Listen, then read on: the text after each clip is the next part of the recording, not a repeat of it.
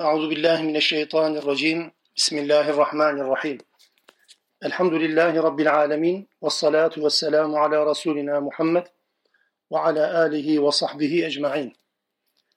رب اشرح لي صدري ويسر لي أمري واحلل عقدة من لساني يفقه قولي. وأفوض أمري إلى الله. إن الله بصير بالعباد. لا حول ولا قوة إلا بالله العلي العظيم. Alemlerin Rabbi olan Allah'a hamdü senalar olsun. Onun Resulüne, al ve ashabına, ehli beytine salatü selam olsun. Allah'ın rahmeti, bereketi, mağfireti, selamı ve selameti hepinizin ve hepimizin üzerine olsun.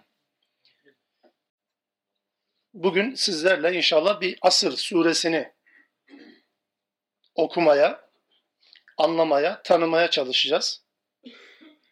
Kur'an-ı Kerim'in en kısa üç suresi Asır, Kevser ve İhlas. En kısa üç suresi. Bunları şöyle bir tasnif ettiğimiz zaman Asır insandan söz eder. Kevser, peyga Kevser peygamberden söz eder. İhlas ise Allah'tan söz eder. Bu üçlünün anlatıldığı en kısa üç sure. İnsan, peygamber ve Allah'ın söz konusu edildiği üç kısa sureden birisini, Asır suresini, insanı konu edinen bu sureyi, üç ayetlik sureyi tanımaya, anlamaya çalışacağız. Nüzul sırası itibariyle, iniş sırası itibariyle 13. sırada inen bir sure. Kur'an-ı Kerim'in musaf sırası 103. sıra olsa da iniş sırası itibariyle 13 yani e, vahyin erken dönemlerine rastlayan bir zaman diliminde inmiş olan bir e, sureyi okuyacağız. Üç ayetlik bir sureyi.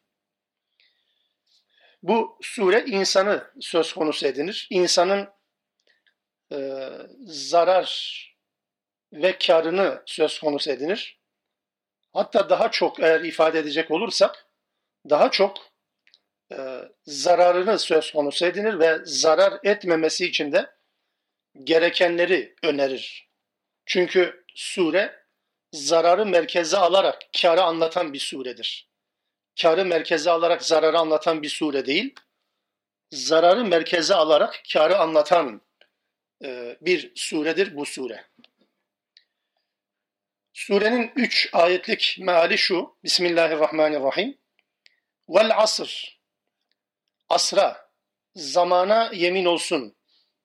İnnel insane lefi husur. Kesinlikle insan zarardadır. Husrandadır. İllellezine amenu ama bütün insanlar değil. Şu özellikleri üzerinde yaşayan, taşıyan insan zararın dışındadır. Bu dört özellik amenu iman etmek ve amilus salihat salih amel sahibi olmak imanla birlikte ve tevasav bil hak hakkı tavsiye etmek yani sahip olduğu dini başkalarına aktarmak. Ve tevasav bis sabr ve sabrı tavsiye etmek. Bunları yaşadığınız zaman başına gelebilecekleri hesaba katarak direnmi, direnmeyi ve direnişi öğrenmek ve öğretmek. Dört özellik. Asır suresinde insanı zarardan kurtaran dört özelliktir genelde yanlış anlaşıldığını düşündüğüm için altını çizerek tekrar belirteyim. İnsanı zarardan kurtaran bu dördünden birisi değil. Hatta dördünden üçü de değil. İnsanı zarardan kurtaran bu dördünün bir arada bulunmasıdır.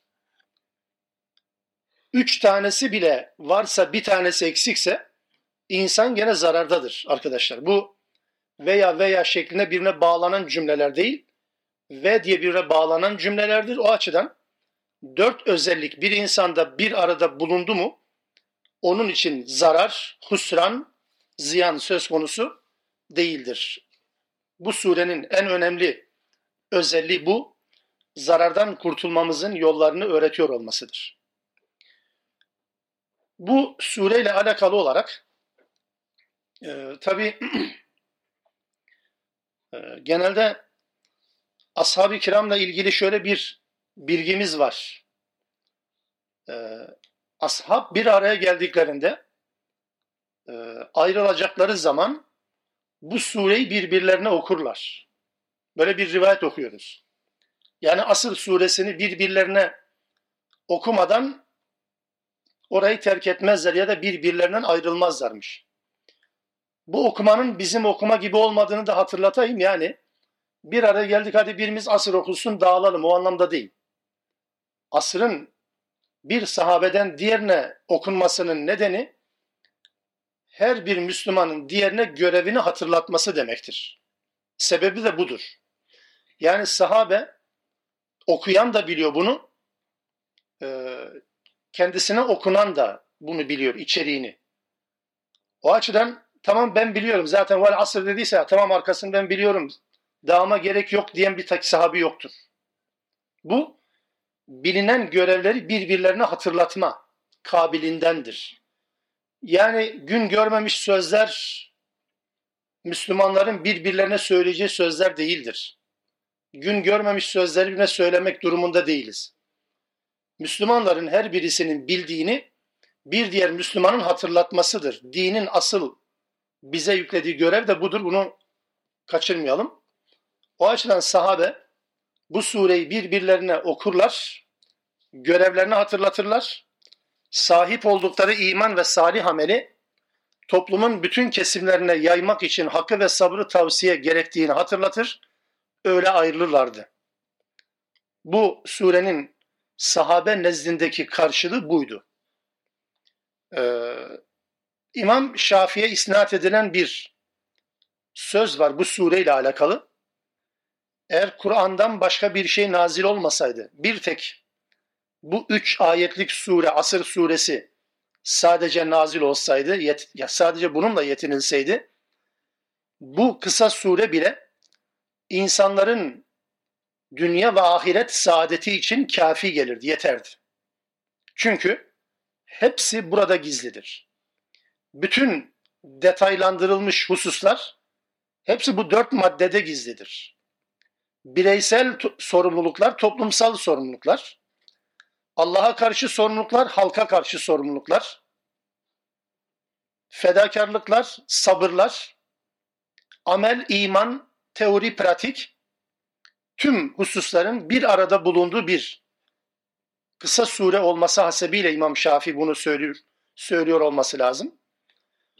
Onun için Asır suresi öteden beri Müslümanların son derece dikkatle okumaları gereken sahabenin yaptığı gibi de birbirlerine hatırlatmaları gereken hususları barındırması açısından son derece önem arz eder. Bu surede değerli arkadaşlar Allah Teala yeminle başlar. Genelde böyle ifade edilir. Ama şunu özellikle belirteyim ki Kur'an-ı Kerim'de yeminle başladığı söylenen surelerdeki bu yemin ifadeleri bizim yemin etme mantığımız gibi bir mantık taşımıyor. Yemin bu anlamda söylenmiyor. Yani Allah'ın asra and olsun, yıldıza and olsun, fecre, duhaya, kuşluğa and olsun diye çevirdiğimiz cümleler bizim birbirimize bir iddiayı ispat etmek için Allah'a and olsun, yemin olsun gibi cümlelerimiz gibi değil bir defa. O ayrı tamamen apayrı bir şey. Sadece kalıp olarak, şablon olarak buna benzediği için yemin ifadesini kullanırız ama aslında Allah'ın herhangi bir şeyi ispat etme gibi bir derdi yok. Bize inandırma gibi bir amacı da yok bu yeminlerle. Anlatabiliyor muyum? Bu yeminlerle bize bir şeyleri inandırma gibi bir amacı da yok, mecburiyeti de yok. Yemin deseniz de bu anlamda yemin değil demekteki kastım bu. Peki o zaman nedir? Bence o koridoru açsak iyi olur ya. Kapının önü nasıl olsa cuma namazına değiliz. Cuma namazı olsa genelde kaçılır da. Mümkün mertebe kapıya yakın oturulur daha erken çıkmak için. Zaten cuma değil nasıl olsa. O yüzden o koridoru açabiliriz aslında. Peki o zaman yemin değilse, yemin değilse o zaman nedir? Kur'an-ı Kerim'de bu ifadelerin tümünün geçtiği yerler için söylüyorum. Allah Teala bir, kullandığı kelimenin manasına ve muhtevasına dikkat çeker. İki, bu dikkat çekici cümleyi, kelimeyi söyledikten sonra sonrakilerin ne kadar önem arz ettiğine dikkat çeker. Ve bu kelimeyle bu kelimeden sonra gelen cümleler birbirleriyle bağlantılıdır. Allah Teala vel asır dediyse arkadan gelen konu zamanla alakalı insanın bir yanılgısını anlatır. Allah ve duha dediyse arkasından vel leyli dediyse kuşluk ve gece, gece ve gündüz, gündüz ve gece gibi cümleleri kullandıysa insanların baskı dönemlerini ve rahatlık dönemlerini sembolize eden bir karanlık ve aydınlıktan söz ediyor demektir. Yani duhadan sonraki konu duha ile alakalı. Asırdan sonraki konu asırla alakalı. Fecirden sonraki konu fecirle alakalı. Bütün konular bununla alakalıdır. Yoksa sadece öylesine bir konuya yemin etti öyle başladı değil. Onun için burada hem asra dikkat çekiyor Allah Teala hem de asırdan sonra gelenlere asır üzerinden dikkat çekiyor. Bunu özellikle netleştirmemiz lazım. Bütün yeminle başladığını söylediğimiz sureler için geçerli. Bu örnek üzerinden gidelim tekrar. Hem Allah asra dikkat çekiyor hem de asırdan sonrakilere asır üzerinden dikkat çekiyor. Asra dikkatinizi çekerim. Yani dikkat etmiyorsunuz. Umursamıyorsunuz. Bu şeyi göz ardı etmişsiniz, asrı. Çünkü insan zarardadır. Zamanı kullanma konusunda zararda olduğunuzu bilin, dikkatinizi çekiyorum anlamındadır bu. Yoksa asra and olsun diye başladığımız zaman Allah yemin etti. Biz de inanmış olduk, inanmak zorundayız. Daha nasıl yapalım? Yani Allah yemin bile etti. Öyle değil tabii ki. Yemin aslında dikkat çekmedir. Doğrusunu söylemek gerekirse bizim vallahi ve billahi ifadelerinde kullandığımız terim de budur. Yani Allah'a dikkat çekerek karşımızdaki sustururuz. Karşımızdakini inandırırız. Vallahi dediği zaman karşındaki insanın artık yok deme hakkı yoktur. İnanmama hakkı da yoktur. Anlatabiliyor muyum? Vallahi diye senden yemin bekleyen ama vallahi dedikten sonra sana inanmayan insan o inancını gözden geçirmek durumundadır. Böyle bir şeydir. Yoksa basit bir ifade değildir. Dikkat çekme bizim yeminlerimizde de söz konusudur. Onun için vel asır. Asra dikkatinizi çekerim. Çünkü dikkat etmiyorsunuz. Çünkü göz ardı ediyorsunuz. Çünkü gereken önemi vermiyorsunuz. Çünkü bazı şeylerin önemini anlamıyorsunuz, kavramıyorsunuz. O anlamda vel asır, asra dikkatinizi çekerim der. Asır ne? Asır sadece ikindinin zamanı değil. Sadece asrı saadet değil. Sadece Adem'den Muhammed Aleyhisselam'a ve Muhammed Aleyhisselam'dan günümüze kadar geçirilen zaman falan değil sadece. Bütün zamanlar. Bütün zaman birimini konuştuğunuzda o kastettiğiniz bütün özellikleri ihtiva eder, kuşatır, kapsar yani.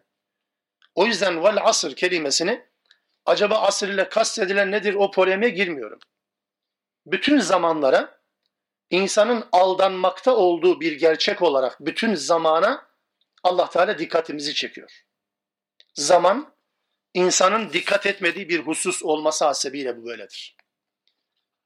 Biz Adem'den Muhammed Aleyhisselam'a ya da peygamber dönemler ya da asır, ikindi bunların tümünü bırakalım. İşin bizi ilgilendiren boyutu, daha çok ilgilendirmesi gereken boyutunu değerlendirelim diye bunu söylüyorum. Zaman insanın en çok aldandığı, en çok yanıldığı konu. Konulardan biri demiyorum. En çok yanıldığı konudur. Çünkü zaman bakın çocukluk dönemlerinde bile en geç fark edilen birimdir.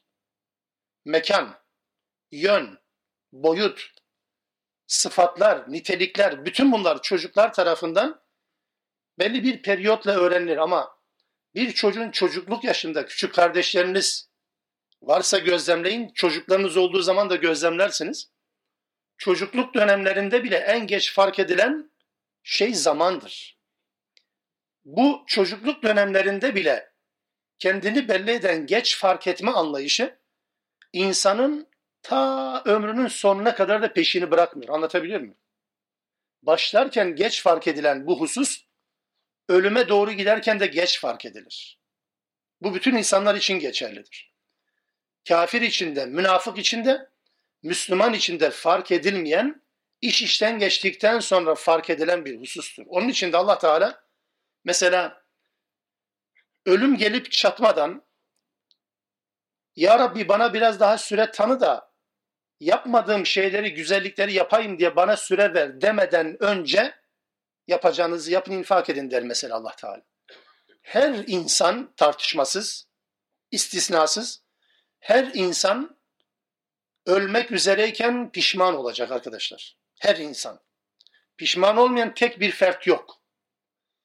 Kötülük yapan kötülük yaptı ve iyilik yapmadığı için, iyilik yapan da daha fazlasını yapmadığı için herkesin pişmanlık manzarası olur. İspatı istemeyin benden. Öleceğiniz zaman görüşürüz. Herkes öleceği zaman bunu görür.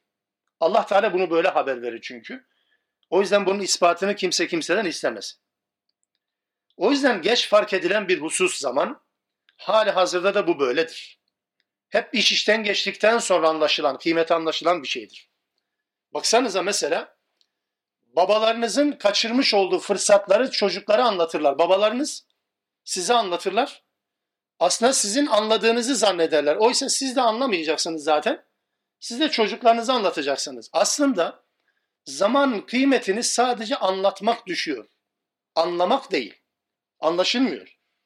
Hep herkes bir başka kuşağa, bir sonraki kuşağa bunu anlatacak.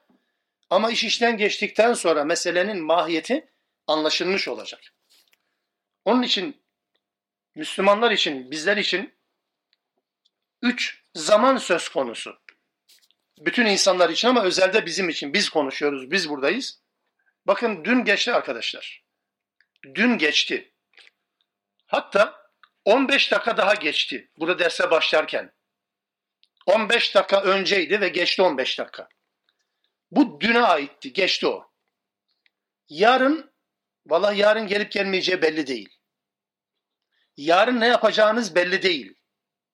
Yapıp yapmayacağınız da belli değil. Dün geçtiyse, yarın da belli değilse bir tek zaman kaldı. O da şu an. O da şu an. İçinde bulunduğunuz zaman. Ve bize ait olan, size ait olan zaman da budur arkadaşlar. Geçen zaman geçtiği için bize ait değil. Gelecek de belli olmadığı için bize ait değil. Kala kala bir tek bu zaman kaldı. içinde bulunduğumuz bu zamandır. Değerlendirebilene aşk olsun. Değerlendirmeyene de veil olsun. Yazıklar olsun. Bu değerlendirme biçimiyle neyin kastedildiğini anlatmaya gerek yok kanaatimce. Mesele sadece burayı kastetmiyorum ha. Yanlış anlamayın. Yani benim dersi dinlemeyle alakalı değil. Şu an burada olmayıp da daha güzel bir şekilde değerlendiren kardeşlerimiz de var. Helal olsun. Ama değilse içinde bulunduğunuz zamanı hor kullanıyorsanız bu sure sizden bahsediyor.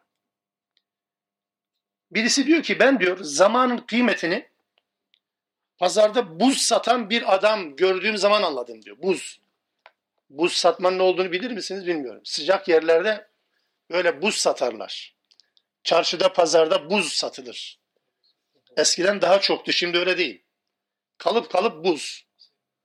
Buz pazarda satılırken diyor ki gördüm böyle bir adamı e, dedim ki sermayesi eriyen bu şahsa merhamet edin, acıyın dedim diyor. Sermayesi eriyen bu adama acıyın. Şimdi almazsanız çünkü yarım saat sonra bu buz yok. Ne olursun alın çünkü sermaye eriyor. Her dakika buzu eriten bir şeydir ve bu zamandır. Bu bize bu anlamda bir şey söyler. Asır suresi bize zamanın kıymetini ne kadar bilmemiz gerektiğini öğrettiği gibi zamanı hor kullandığımız zaman neleri kaybettiğimizi de bu anlamda öğretendir. Bu cümle biraz da bu sureyle ilişkilendirildiğinde aynen zaman buz gibi eriyip gider. 15 dakika önceyle 15 dakika sonra Aynı değil, bitmiştir artık. O anlamda zamanı doğru değerlendirmek anlamında Rabbimiz şunu söyler, insan zarardadır. Herkes mi? Dört özelliği üzerinde bulunduran hariç. Ama genel anlamda cümle böyle başladı. Şöyle olsaydı olabilirdi, belki farklı bir anlayış çıkardı. Yani insan kardadır, şu özelliktekiler hariç. Allah öyle demiyor. Yani insan mutludur, insan güzeldir, insan kardadır. Ama şu özellikler hariç demiyor Allah Teala'ya. İnsan zarardadır ama şu özellikler hariç. Neden? Neden zarar eden insan ön plana tutuluyor? Ön planda tutuluyor?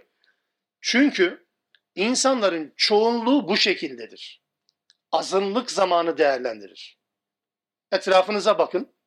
Kesinlikle insanların çok az bir kesimi zamanı değerlendirir. Çoğunluk zaman konusunda aldanmaktadır, zarardadır yani husrandadır. Bu surede insanı zarardan kurtaran dört şey sayılıyor. İlki nedir? İllellezine amen. Her bir konu ayrı bir başlık. İmam Şafii'nin dediği gibi Kur'an'dan başka sure olmasaydı bu bile insanların dünya ve ahiret saadetini anlatmaya yeterdi derken kastettiği her bir maddenin altında bir derya, ayrı bir alan, ayrı bir bitmeyen, tükenmeyen konu var. E bunu anlatacak değilim tabii ki. Bir saatlik bu çerçeve içerisinde ne kadar anlatabilirsem o kadar. Fakat baştan söyleyeyim bunun bununla sınırlı olmadığını bilelim. Sadece dilimizin döndüğü, gücümüzün yettiği, zaman el verdiği kadarını ifade etmeye çalışacağım. Bir defa zarardan kurtulmanın birinci ve öncelikli şartı illellezine amin. iman etmek. İman. Neye iman? Bu soru değil sadece cevaplanması gereken arkadaşlar. Neye iman sorusundan ziyade evet bu da lazım fakat nasıl bir iman? Bunu gündeme getirmek durumundayız. Kur'an bunun üzerinde çok çok fazla durur. Neye iman etmemiz gerektiğinden ziyade neye nasıl iman etmemiz gerektiği üzerinde çok fazla durur. O yönüyle iman etmemiz gerekenlerin iman etme biçimini ve şeklini Kur'an'dan ve sünnetten derlediğim birkaç cümleyle ifade etmeye çalışayım. İmanın şartı altıdır diye hani başlarız ya. O çerçevede desem eğer Allah'a iman ama kesinlikle kesinlikle iman ile kastedilen bir müminden beklenen iman ile kastedilen Allah'ın varlığına ve yaratıcılığına sadece iman değildir. Sadece Allah'ın varlığına ve yaratıcılığına iman, Kur'an'ın çağrısında yer alan bir iman modeli değil arkadaşlar. Altını çizelim bunu. Ya Allah'ın tek Rab ve tek ilah oluşuna imandır. Allah buna çağırır. Yaratıcı olarak, var olan bir zat, bir varlık olarak Allah'a iman Kur'an'ın çağrısı değil dedim. Tevhid mücadelesinin öncüleri olan peygamberlerden hiçbirisinin Allah'ın varlığına imana çağırdığını göremezsiniz. Hepsinin çağrısı Allah'la birlikte başkasına kulluk yapmayın. Allah'ın yanı sıra başkasını ilah edinmeyin. Bu cümle çerçevesinde dönüp dolaşır. Allah'ın varlığına iman değil, Allah'la birlikte başkalarının ilahlığını, Allah'la birlikte başkalarına yalvarmamayı öngören bir davet yöntemi var bu yönüyle. Çünkü Allah'ın varlığına eğer iman imansa arkadaşlar eğer Allah'ın varlığına imana iman denseydi Allah Teala iblise ve kâne minel kafirin demezdi. İblise Allah Teala ve kâne minel kafirin der kafirlerdendir dediği iblis Allah'ın yaratıcılığını kabul ettiğini ifade ettikten sonra Allah bunu söylüyor. Dikkat ettiniz mi? Beni ateşten yarattın, insanı çamurdan yarattın, ben ondan hayırlıyım diyen bir iblisten söz eder. Yaratıcılığını, Allah'ın yaratıcılığını tartışmaya açmayan bir varlıktır iblis. Sadece bu da değil, bana insanların diriltilecekleri güne kadar süre tanı der iblis. Araf 14. ayet-i kerimede, Hicr suresinde 36. ayet-i kerimede insanların diriltilecekleri güne kadar bana süre tanı. Yani ba'su ba'del mevt öldükten sonra dirilişe mi inandı iblis? Tabii ki. Sadece bu da değil. Mesela Enfal 48. ayetle Haşr suresinin 16. ayetinde inni akhafullaha rabbel alemin der. Ben alemlerin Rabbi olan Allah'tan korkarım. Bu cümle bir Müslüman cümlesi değil, bir iblis cümlesi. Allah bu iki surede bunu anlatır. Ben alemlerin Rabbi olan Allah'tan korkarım. Bütün bunlara rağmen Allah'a göre iblis ve kâne minel kafirindir. Kafirlerdendir. Neden? Çünkü kimin kime secde edeceğine karar verme yetkisini Allah'ta görmedi. Onun için kafirdir. Anlatabildim mi acaba? İblisin problemi Allah inkar değil. İblisin problemi kim kime secde etmeli, kim kimden hayırlıdır. Bu konuda kim karar verecek? İblise göre herkes kendisi, Allah'a göre ise Allah. İşte bu ihtilaf iblisin kafirlerden olmasına yetti. İmanla alakalı bir şey daha hatırlatayım. İmanı bozan şey biliyorsunuz şirktir. Küfürden farklı bir şey. Şirk için iki tane temel özellik lazım. Birçok özellik lazım da sadece ben ikisini söyleyeceğim. Bir insanın müşrik diye nitelenebilmesi için bir, Allah'ı tanımış olması lazım. Allah'ı tanımayana müşrik denmez arkadaşlar. Bir insana müşrik diyebilmek için Allah'ı tanımış olması lazım. Tanıdıktan sonra Allah'la alakalı vasıflar, özellikler başkalarına veriliyorsa bu işte tam şirk olur. Allah kabul edilmediği zaman buna müşrik denmez, buna kafir denir. Ayrı. Şirkte Allah'a inanmak şart. Allah'a inanmadan müşrik olunmaz. Niye bunu söyledim ki? Çünkü Allah'ın varlığını kabul etmemek zannedilir şirk. Hayır. Şirkte olmazsa olmaz şart Allah'ın varlığına iman etmektir. Sonra Allah'a ait özellikleri birine verirsiniz. Olur biter. İkinci bir özellik şirk şirk tapınma demek değildir arkadaşlar sadece. Tapınma demek değildir. Şirk tapınma ile ilgili bir konu değil. Şirk nedir ya? Allah olmadan müşrik olunmuyor. Tapınma da şirk için şart değil. O zaman şirk nedir? Açamayacağım, uzatamayacağım. Sadece kısaca söyleyeyim. Siz çok iyi değerlendirirsiniz bunu. Allah'tan beklenmesi gereken bir işi bir başkasından beklemektir şirk. Şirkte yaratıcılık konusu yok. Şirkte yaratma, öldürme, ihya etme konusu yoktur arkadaşlar. Müşrik mantıkta bunlar yok. Müşrik mantık fayda ve zarar verme vermeme konusudur. Yardımcı olup olmama konusudur şirkin konusu. Dua etme, yalvarma konusudur. Bu özellik sadece Allah'a ait olması gerekirken başkalarının da buna ortak kılınması şirki ortaya çıkarır. Kim ne niyetle, hangi düşünceyle yaparsa hepsinin çok da problem değil. O zaman demek ki iman yani zarardan kurtulacak, bizi kurtaracak olan iman Allah'ın varlığına iman değildir defa. Bunu unutalım.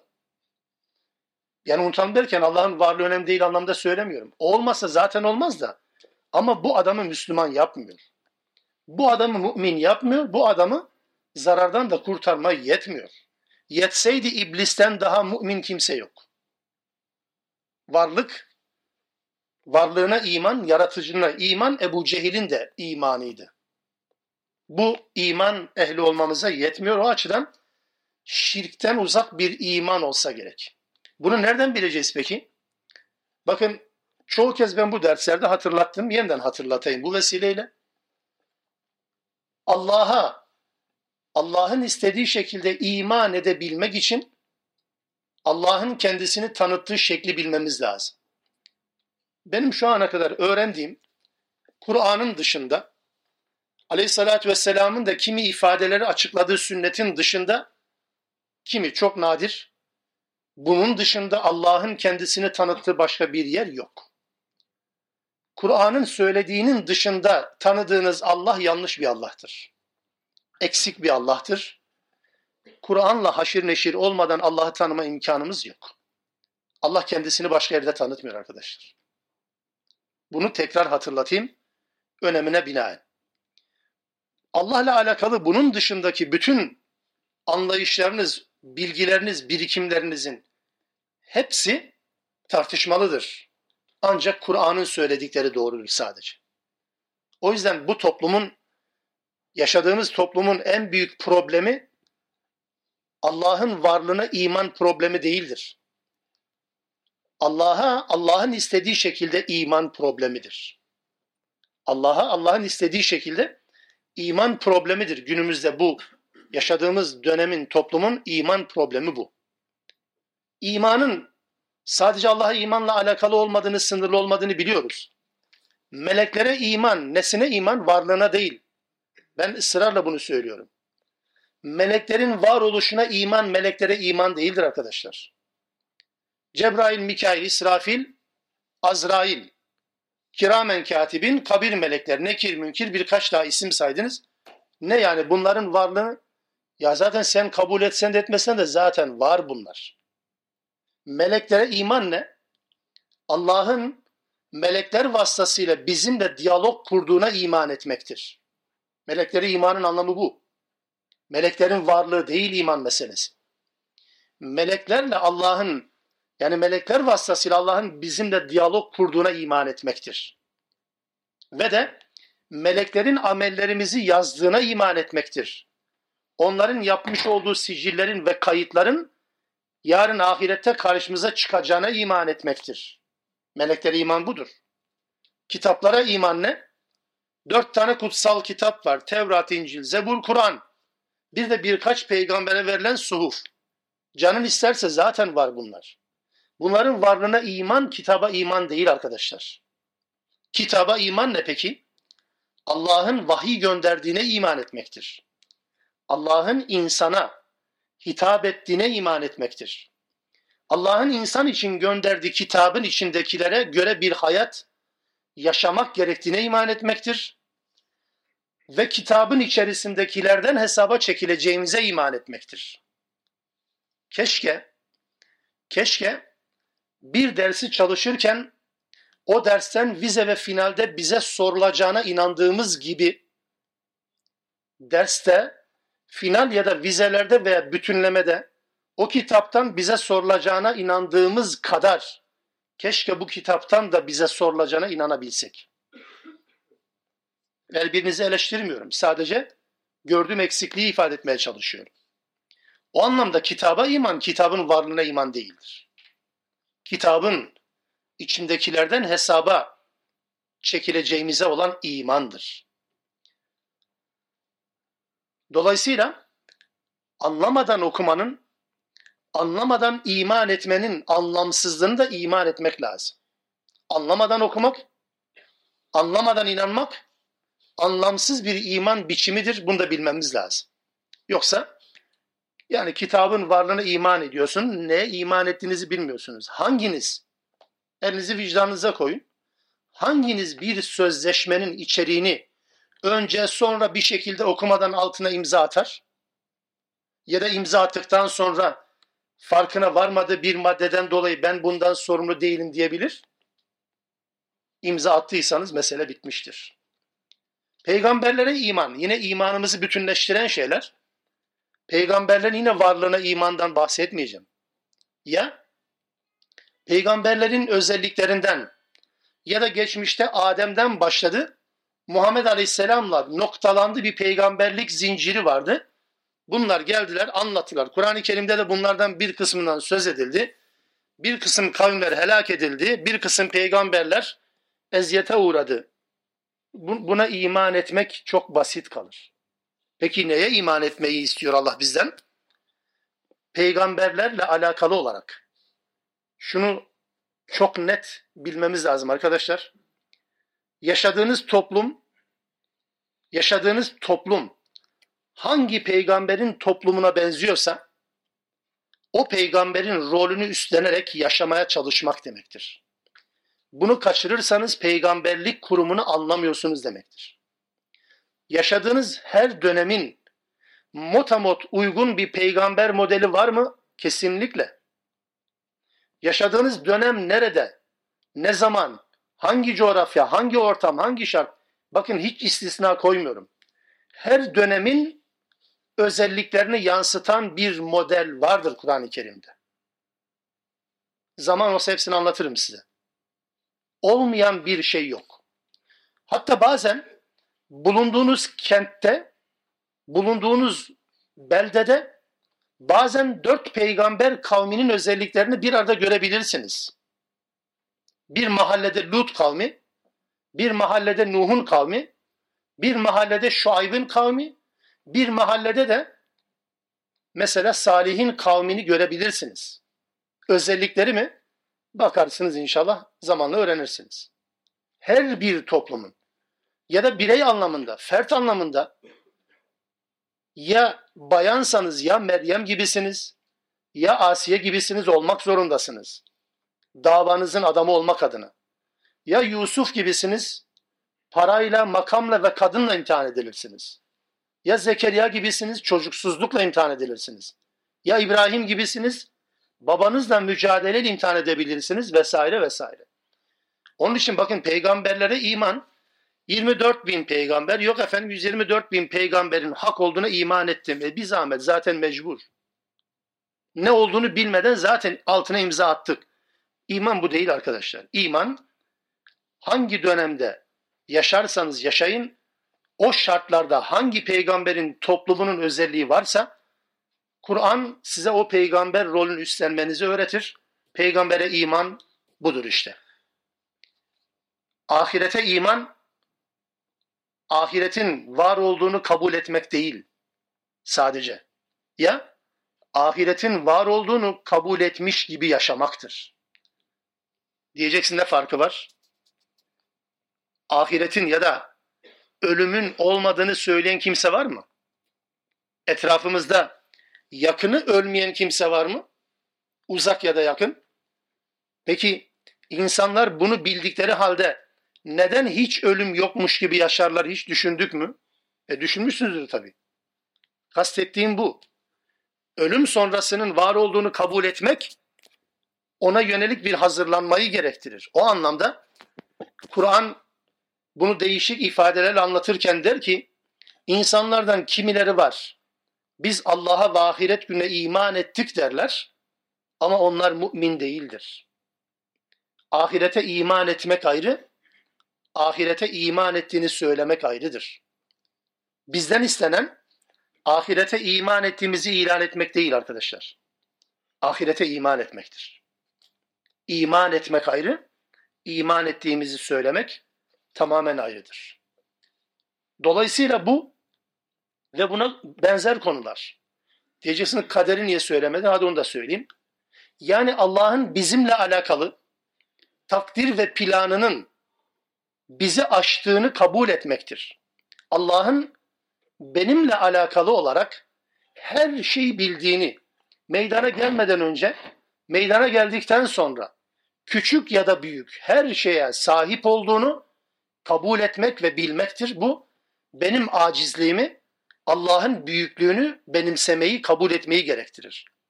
Kader de budur. Yoksa kader Allah'ın bize kendi planlarını dayatması anlamında değil. O dedemizin ve ninemizin kader tarifidir. Kader Allah'ın benimle alakalı olarak en ince detaylara kadar bilgi sahibi olmasıdır ve ben buna iman etmek suretiyle kendi acizliğimi Allah'ın da büyüklüğünü anlamış olurum. Bu bir maddeydi. Zarardan kurtulmak için. İkinci madde ve amilus salihat. Salih amel işleyenler. İman salih ameli gerektirir. Salih amel ne? Amel olmasına rağmen salih özelliğine sahip olmayan amel var mıdır? Tabii ki. İnsanların amelleri kendilerince salih olabilir. Bazen insanların amelleri başkalarına göre salih olarak zannedilebilir. Ama Allah'a göre sıfırdır. Dolayısıyla işlenen amelin Allah tarafından onaylanan amel olması şartıyla salih amel olur. Yoksa aynı iş aynı iş bir mümin tarafından iman ettiği için yapılırken ayrı bir kat sayıdır, karşılığı. Aynı işi bir başkası riya olsun diye yaptığı için kat sayısı sıfırdır. Aynı iş bakınız. Birisi Allah yolunda cihat eder, savaşır, ölür, cenneti garantiler. Aynı işi yapan, ölen, kanı dökülen kişi de cehenneme yuvarlanır. Sebep ne? Çünkü ikisinin aynı işi yapmış olması yetmiyor. Çünkü ne yaptı bu? Amacı farklıydı. Başka bir amaçla, başka bir duyguyla canını vermeye çalıştı ve verdi. O da cehenneme yuvarlanıyor oluyor. Dolayısıyla bakın amelin salih olabilmesi için Allah'ın ona salih demiş olması lazım. Hatta en güzel amelleri bile Müslümanlar en güzel amelleri bile bazen heba edebilirler mi? Tabii ki. Türbünlere oynama adına türbünlere oynama adına yapılan bütün işler bireysel ya da toplumsal vakıfsal veya cemaatsel neyse nasıl yapacaksanız birilerine yönelik, birilerine yönelik, birilerine mesaj verme yönelik, birilerinin gözüne girmeye yönelik yapılan iş ne kadar büyük, ne kadar ağır, ne kadar külfetli olursa olsun, evet ameldir ama salih değildir. Salih olmadıktan sonra insanların salih olmadıktan sonra insanların yapmış oldukları ağır işlerin bir karşılığı yok. Konu geniş ben sadece birkaç maddeyle bunu söylemeye çalışayım. Bir amelin işlenme ortamına göre bile karşılığı aynı değildir. Bir amelin işlenme ortamına ve şartlarına göre bile karşılığı aynı değildir. Anlatabiliyor muyum? Bunu Kur'an'dan iki örnekle söyleyeyim. Biri Hadid suresinde Allah Teala Hadid suresinde fetihten önce infak edip savaşanlarla fetihten sonra infak edip savaşanların faziletleri, dereceleri aynı değildir der. Fetihten önce savaşıp infak edenlerin mükafatı diğerlerinden kat kat fazladır. Diğerlerinki sıfır mı? Hayır. Ama kesinlikle kat sayıları bir değildir. Fetih ne? Mekke'nin fethiyle sadece sınırlamayın. Belki anlaşılması için söylenebilir eğer söylersek. Mekke'nin fethinden önce yapılan infakın ve mücadelenin karşılığıyla Mekke fethedildikten sonraki mücadelen ve infakın karşılığı bir olmaz. Neden? Mekke fethedildikten sonra zaten İslam'ın egemenliği tanınmış, bilinmiş oldu. Orada Müslüman olmaya ne var ki? Onun uğrunda infak etmeye, fedakarlık yapmaya ne var ki? Peki hangisi önemliydi? Tünelin daha ışığı görünmeden verilmesi gerektiği zaman verdin mi? Mücadele edilmesi gerektiği zaman da mücadele ettin mi? Budur. Yoksa öbürü, öbürü yaptığın mücadelenin sana döneceği, dönmeyeceği belli mi? Belli değil mi? Fetihten sonra bellidir ama fetihten önce belli değil. Sözün özü şu. Özellikle yaptığınız işler, ameller yani risk faktörüne bağlıdır. Bir ameli hangi ortamda işliyorsanız onun kat sayısı ona göre değişir. Ona göre değişir. Herkesin Müslüman olduğu, Müslüman olmanın prim yaptığı, Müslüman olmanın değer ifade ettiği bir dönemde Müslüman gibi davranmakla Müslüman olmanın ateşten gömlek sayıldığı dönemde Müslüman olmak aynı değil arkadaşlar. Anlatabiliyor muyum? Belki sembolik anlamda bir anlam olsun diye söyleyeyim. Başörtülü olmanın prim yaptığı bir dönemde mecliste, bakanda, bürokraside başörtülerin bulunduğu bir dönemde bir rüzgar alıp gitmişken başörtüye sahip çıkmakla başörtülü olmanın ateşten gömlek giymek anlamına geldiği dönemde başörtülü olmak aynı değildir. Aynı olmadığı için de zaten sadece ve sadece baş örtülür babayı razı etmek için. Affedersiniz kıç açılır o da arkadaşlar razı etmek için. Anlatabiliyor muyum? Niye? Çünkü çünkü belli dönemlerde aynı işi yapıyorsun ama belli dönemlere göre bunun çarpanı farklı olur. Herkesin namaz kıldığı bir kurumda namaz kılmanın kurum amiri tarafından desteklendiği bir kurumda namaz kılmakla namaz kılmanın dışlandığı bir ortamdayken namaz kılmak aynı olur mu ya? Hiçbir olur mu bu? Hiçbir zaman bile olmaz. Onun için ameli salihin işlendiği zemin ve zaman önemli. Bir Müslüman için söylüyorum. İkinci bir örnek vereyim Kur'an'da. Nur suresinin 61. 60. ayet-i kerimesinde yaşlı kadınların düzelteyim, yaşlı değil. Evlilik ümidi olmayan, evlilik ümidi olmayacak kadar yaşlanmış olan kadınların dış elbiselerini giymemelerinde bir sakınca yoktur Allah Teala. Oysa 31. ayet-i kerimede Müslüman kadınların yaşı falan belirtilmeden nasıl da dikkat etmeleri gerektiğini Allah Teala 10 satırlık bir ayette anlatır. 10 satır sürer. Bir ayet, 31. ayet. 61. 60. ayette niye geldi böyle söyledi Allah Teala? Çünkü artık yaşlandıktan sonra dış elbisenizi alıp kalın, siyah, geniş bilmem ne örtünmenize gerek yok. Şart değil. Örtü ne zaman lazım? Gençken lazım. Bir kadının yaşı başı ilerlemiş olan bir kadının örtünme anlayışıyla 20-25'indeki genç bir kızın örtünme anlayışı aynı değildir. O yüzden bizde hep ters işler. Yaş ilerledikçe örtü biraz daha mükemmelleşir. Yaş gençken cazibe alabildiğine fazla olduğu için arz endam etmek daha fazla ön plandadır. Aynı değil ameller. Aynı amel bakın örtünün gençkenki kat sayısıyla yaşı başı ilerlemişkenki kat sayısı aynı değil. Salih amel denince bir de bu açıdan bakmamız lazım. Bir de salih amellerimizde riya, gösteriş. Bir işi ne derler ya da desinler diye yapma anlayışı. Neyse. Bir ameli birilerine göz, birilerinin gözüne girmek adına yapma anlayışı. Bu başlı başına bir konu, bir başlık. Riya, gösteriş. Allah adına yapılmayan, eksik söyledim, yanlış söyledim, tekrar düzelteyim. Sadece Allah adına yapılmayan hiçbir amel kabul edilmez. Sadece kelimesi çok şey değiştirir. Çünkü Allah adına yapılır ama başkalarını memnun etme de işin içine karıştırılırsa bunun adına aslında şirk denir. Şirk. Aleyhissalatü vesselam buna riya demiyor. Buna şirk diyor. Ben sizin adınıza şirkin puta tapma şeklindeki şirkten korkmuyorum. Sizin adınıza ben küçük şirkten korkuyorum. Küçük şirk nedir diye sordu sahabeden biri. Allah Resulü dedi ki riyadır dedi. Riya.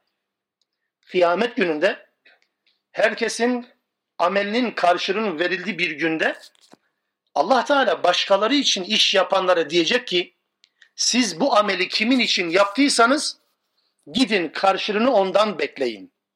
Benden beklemeyin. Bu riya ile alakalı özellikle bilmemiz gereken önemli kurallardan bir tanesi. Dönem vitrin dönemi. Pazarlamanın prim yaptığı bir dönem yaşayınca biz bu dönemde riya maalesef Müslümanların yapmış olduğu amellerin birçoğunu zehirliyor. Sizinkileri zehirlemesin lütfen. Bir işi Allah'ın dışında onun yanına koyabileceğiniz herhangi bir amaç için yapmaya kalkmayın. Bunun adına gösteriş denir. Yaptığınız bu amelin karşılığı da Allah tarafından değil. Gidin kimin için yaptıysanız karşılığını ondan bekleyin denir. Şirkin bir biçimidir. Küçük şirk diye nebevi anlamda bir tarif var. Küçük şirktir. Bunun belki boyutunu tespit etme anlamında sözün özünü peygamberiyle bırakayım ve riya ile alakalı onu söyleyip bitireyim.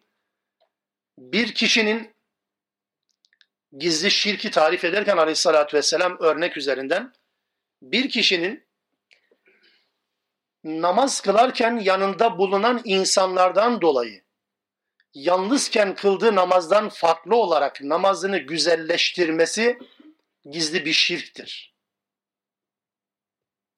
Anlatabildim mi acaba? Bir namaz kılacaksınız. Yalnız başınayken yani insan haleti ruhiyesi farklı onu karıştırmayın. Yani herkes her vakit aynı huşuyla namaz kılmayabilir. Bu ayrı bir konu ama namazı kılarken kılmayı güzelleştirme düşünceniz yanınızdaki insanlar ise eğer yandınız. Bu namaz yüzünüze çarpılır. Bu bile bakınız, bu bile gizli şirkin bir türü olarak Allah Resulü tarafından ifade edilir. Başka bir şey söyleme gerek var mı bilmiyorum. Onun için amellerin içerisine riyayı katmamak şartıyla salih amel olur. Yoksa amel olur ama salih olmaz.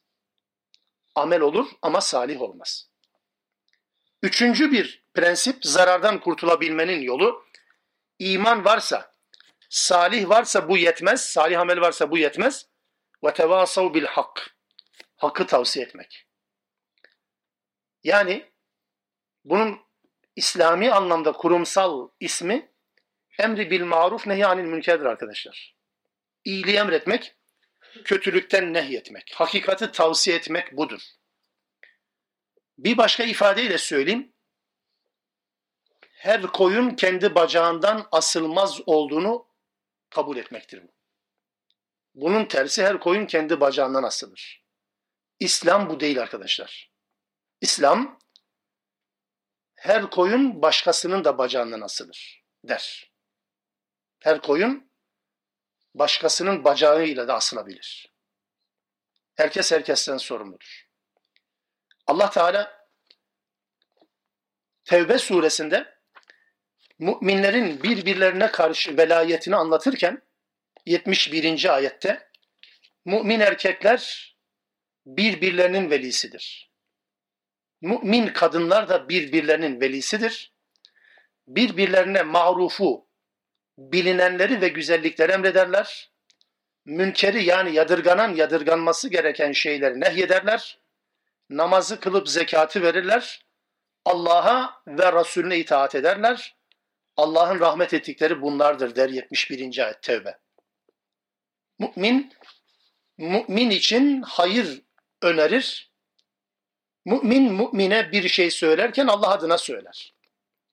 Şöyle bir felsefemiz var. Bireyselciliğin, ferdiyetçiliğin prim yaptığı bir dönem yaşıyoruz.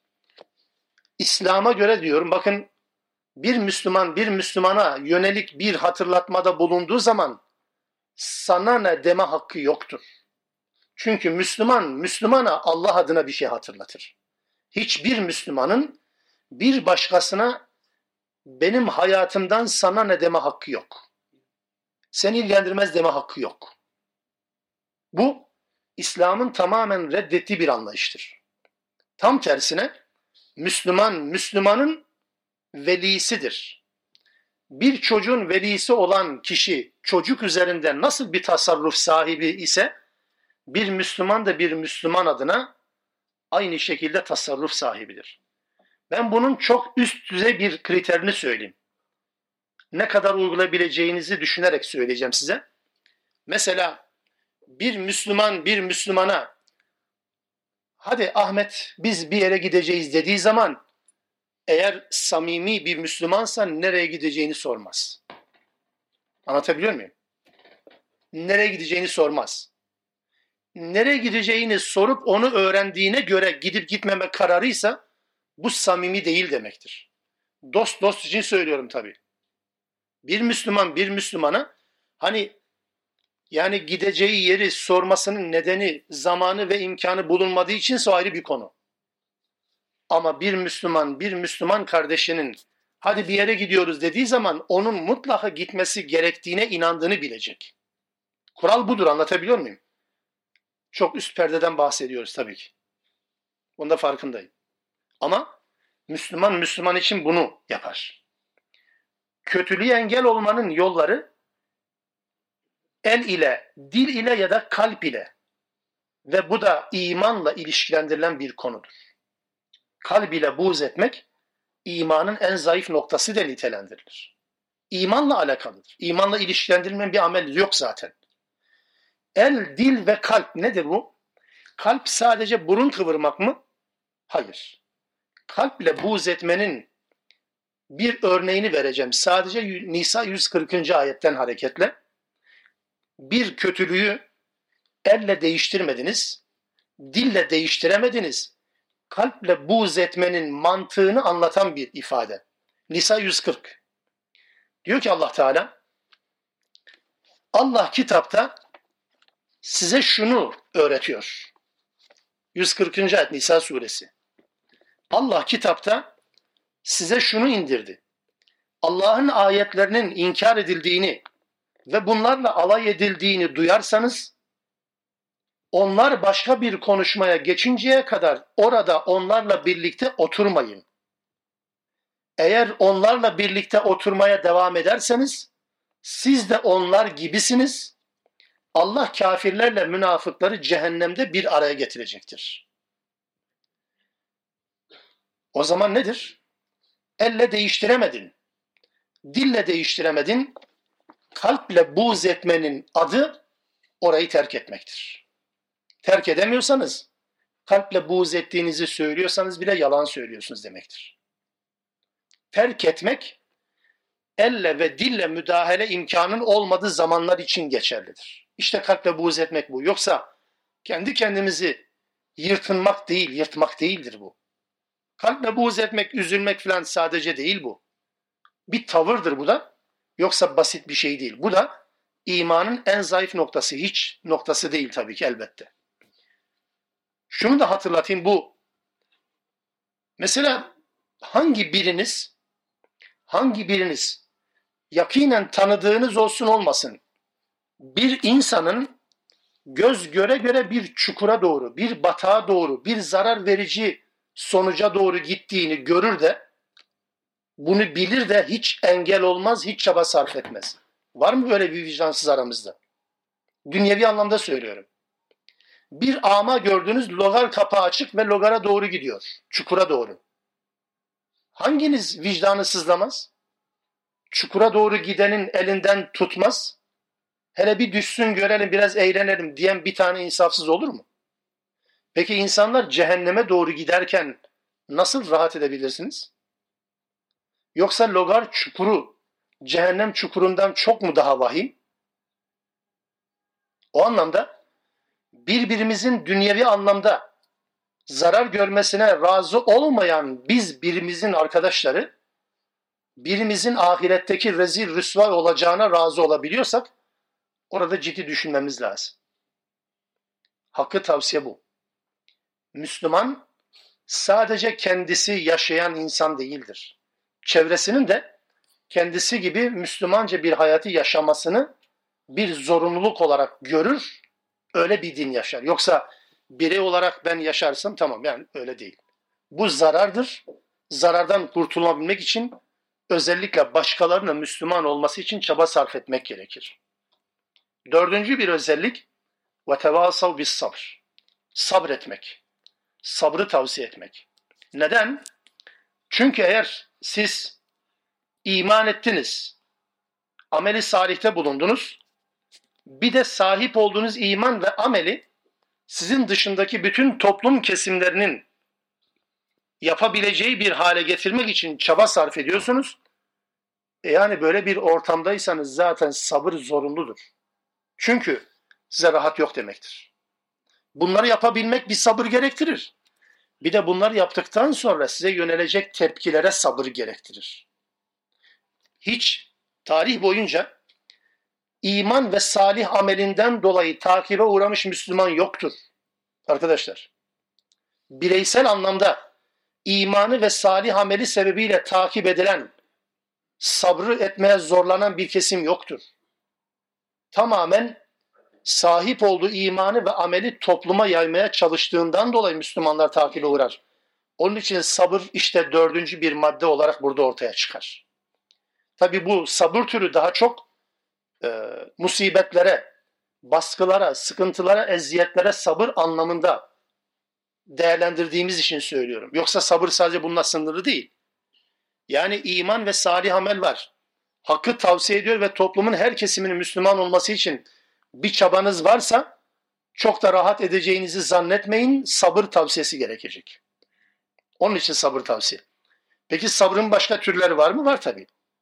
Haramlara karşı direnmek, sabır gö- göstermek ve üçüncüsü de ibadetlerde sabır göstermek.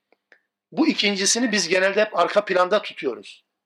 Bu da bu çerçeve değerlendirilmesi lazım. Musibetlere, felaketlere, üzücü hadiselere karşı sabır en çok bildiğimiz ve işlediğimiz sabır. Ama Allah'ın haramlarına düşme konusunda sabır ve de itaat konusunda sabır, ibadet konusunda sabredebilmek önemli. Anlatabiliyor muyum? Bu sabır türlerinin tümüyle alakalı bu söylenebilir belki.